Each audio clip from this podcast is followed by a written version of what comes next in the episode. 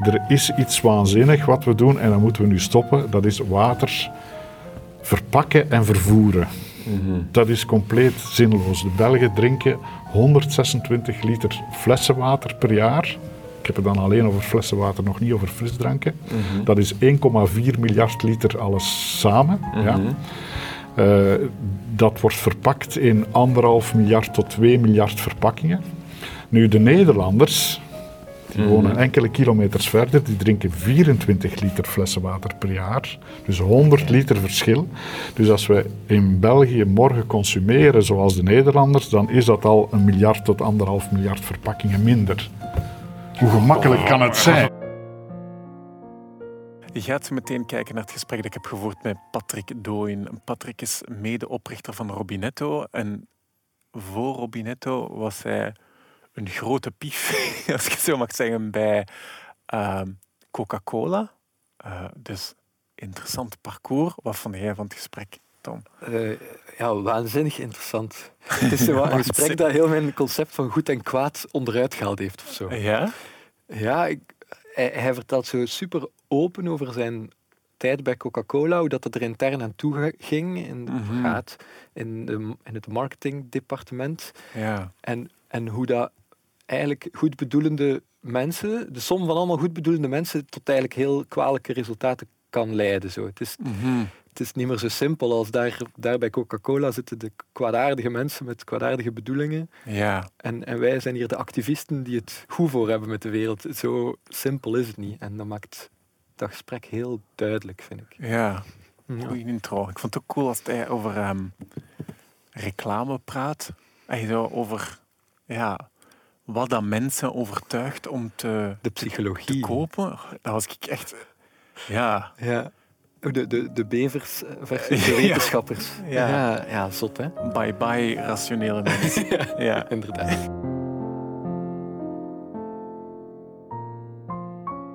Chaudfontein en Luik, dat is 8,5 kilometer van elkaar ongeveer. Als je een fles Chaudfontein in de Deleuze van Luik koopt, dan is die fles van Chaudfontein eerst naar Nienhoven gegaan, want daar is dus het centrale drankendepot van de Leize. Hè, waar dus alle dranken voor de winkels samengezet worden in de juiste hoeveelheden op paletten. Dus dat verhuist van Chaudfontein naar Nienhoven en dan komt dat van Nienhoven naar Luik terug. Als je dan een glazen fles Chaudfontein met statiegeld koopt, Ja. dan gaat dus die fles eerst naar Nienhoven, dan naar Luik, dan van Luik weer naar Nienhoven en dan van Nienhoven weer naar Chaudfontein. Hè. Ah, ja, ja, ja, om het terug te Dat kan brengen. niet anders. Dat kan niet anders. Dus ook dat, dat- dan denk je dus dat je een lokaal product gekocht hebt. Ja, ja. En als het dus... Want herbruikbare flessen is eigenlijk een beetje zoals recyclage werkt. Ja, ja, vind ik, ja, ja. Uiteraard is het goed van dat te herbruiken. Ja, maar de Maar uitstoot in deze omstandigheid is dat gewoon een, een dom idee. Ja. Ja, dat, dat moet je dus niet doen, hè, denk ik. En zeker, je moet dat niet doen als er een heel gemakkelijk alternatief is. Dat is de waterleiding gebruiken. Als basis en, en Die een klein fabrieksje op, el- op elke plaats waar dat je dan met siroop ervoor zorgt dat je... Nee, zelfs thuis, als je frisdrank wil Oh, ja. maken, dat, het, het samenbrengen van siroop en suiker en water, dat doet je gewoon op de plaats waar dat je consumeert. Dus in het café, of bij je thuis, of op een festival, of, Mhm. of in een bedrijf. Of, dat is een oplossing. Ah, je hebt heel lang, heel lang bij Coca-Cola gezeten. 25 jaar in de drankenindustrie, Ja. waarvan eh, bijna 17 jaar bij Coca-Cola. Ja. Ja. Ja. Wa- wa- eh, klinkt logisch wat je zegt. Maar ik denk, waarom doen zij dat niet? Allee, waarom zetten zij daar niet Ja. op in? Wel, eigenlijk, eh, zeker voor Coca-Cola, is het eh, ongelooflijk fascinerend om te constateren dat ze, waar we nu voor pleiten, dat ze daar wel mee begonnen zijn ooit. Dus eh, er is een apotheker die ergens eind van de 19e eeuw Coca-Cola uitgevonden heeft. En dat was dus een, een, een eh, wat ze noemden toen een soda, eh, een siroopvorm, die je ook moest vermengen met water. Mhm. Nadien zijn er slimme marketeers gekomen die zeggen, ja, je moet dat zo niet doen, want je gaat nooit veel verkopen, want dat is omslachtig en moeilijk om dat te doen. Dus waarom ga je dat niet gewoon verpakken, zodanig dat je dat direct kan drinken zonder dat je al die handelingen moet doen. Mhm. Ooit had ik een job die helemaal gefocust was op de Belgische horeca. Op dat moment hadden de meeste cafés nog grote flessen van 1 liter Coca-Cola of water of whatever, andere frisdrank. Ja, en vulden ze... Dan vult je een glas daarin. Hè. Ja. Eh, dus als je, dan waren er ook een paar cafés die kleine flesjes gaven, hè, die dan mee op tafel zetten. Dus dat merk kwam dan beter uit en zo. Maar wat eigenlijk het allerbelangrijkste was, dat is dat een klein flesje verkocht wordt aan een prijs die eh, een veelvoud is van grote flessen.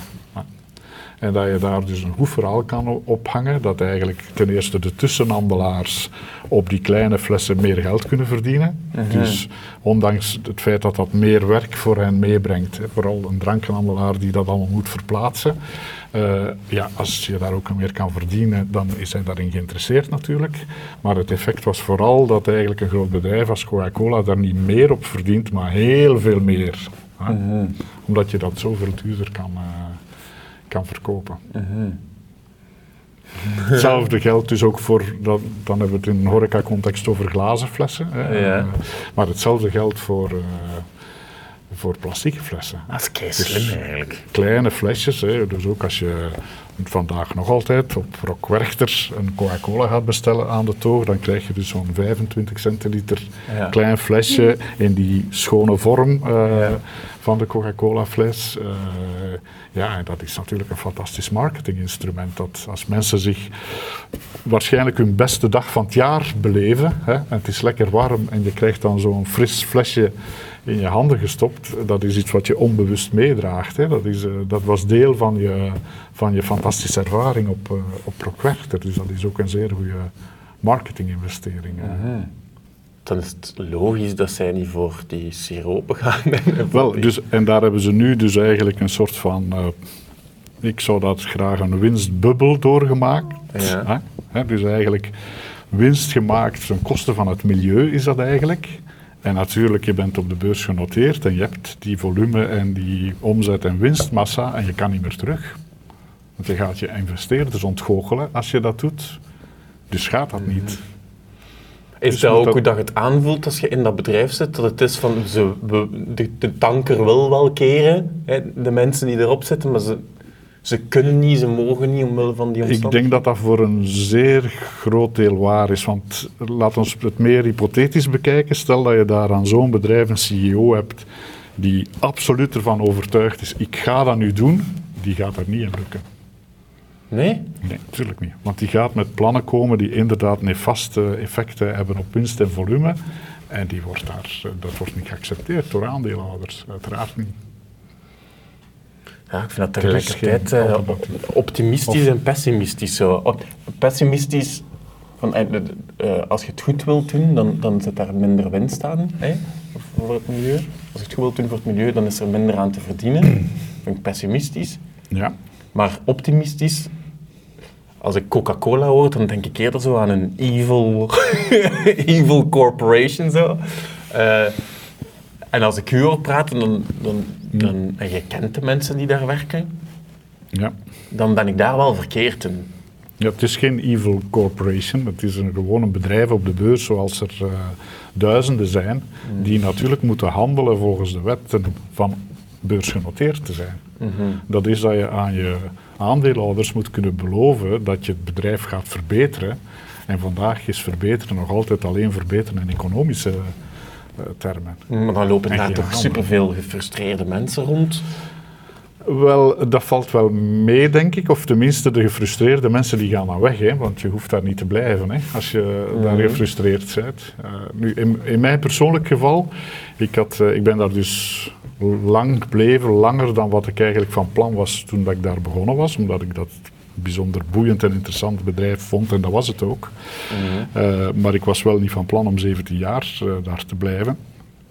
Nu, eh, wat er gebeurt dus, als je het goed doet in zo'n bedrijf, dan word je ongelooflijk gepamperd en geswanjeerd. En dan kom je dus in wat velen de gouden kooi noemen terecht. Hè. Dus het leven is mooi en je wordt goed geswanjeerd en je boekt resultaten.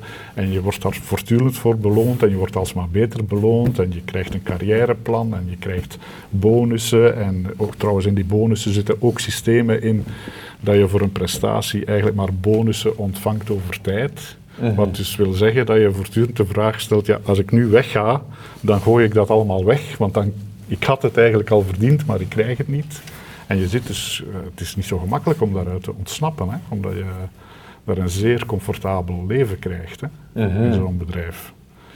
En natuurlijk, ik denk ook uh, heel veel mensen uh, stellen zich daar geen vragen gewoon bij. Dus die spelen mee in wat daar aan de gang is. Dat is dat uh, geld verdienen is leuk en nog meer geld verdienen is nog veel leuker. Dus mm -hmm. we, we doen gewoon verder.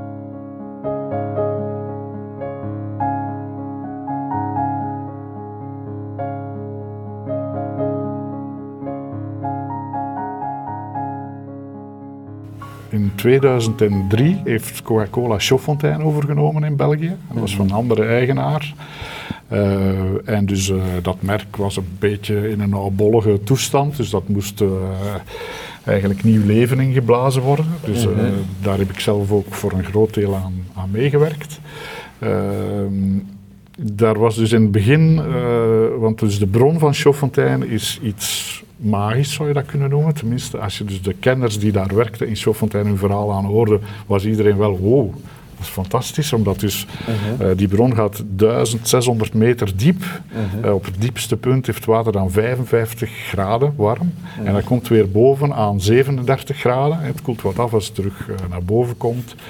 Uh, het neemt mineralen op daarin en uh, waarschijnlijk, dus wat zeker is, dat is dat het water dat boven komt minstens 60 jaar oud is, dus 60 jaar geleden uh, op de bodem viel. -huh. Wat niet bewezen kan worden, maar heel waarschijnlijk is dat het meer dan duizend jaar oud is in plaats van 60. Dus dat is toch een, een geweldig verhaal eigenlijk. Mm -hmm. Dus uh, het eerste idee was ook eigenlijk om een campagne te creëren met een wetenschapper die in een tv-spot dat dus zou uitleggen. Hè, mm -hmm. Hoe geweldig dat dat is. Uh, en dus zo is er ook een campagne gemaakt en die heeft geen enkel effect gehad. Mm -hmm. Blijkbaar zijn mensen niet geïnteresseerd in een wetenschappelijke uitleg waarom iets goed is. De volgende campagne was het tegenovergestelde daarvan. Dan creëren een heel schoon beeld van de Ardennen en de bossen en de ondergrond en een paar bevers die uh, in, een, in een beekje met flessen rondlopen. Misschien zie je wel die tv-spot ja, ja, ja, daarin. Ja, en toen is het geëxplodeerd.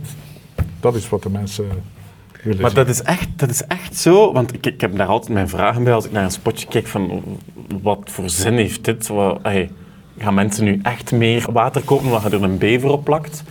Maar dat is dus echt zo. Wel, uh, dus de bewijzen zijn daar. Hè. Dus, uh, dus ook al uh, het, grootste thuis, het grootste verbruik van water ligt in wat je thuis drinkt. Mm -hmm. Dus als je het verschil bekijkt tussen leidingwater en flessenwater, dus je moet daar dus naar de supermarkt om. Je moet daar veel ja, geld ja. voor betalen. Je moet daarmee sleuren, je moet dat op, je appartement krijgen. Dus al die, ja, al die inspanningen is, zijn mensen dus bereid van te doen. Hè? Dus dat is niet gewoon kopen, maar ook een, een zware inspanning doen. Uh, en dus die uh, flessenwaterverbruik in België van 126 liter per jaar, dat is er dus gekomen over de laatste 30, 40 jaar. Ja, door En hoe komt dat? Onder andere door al die campagnes. Hè?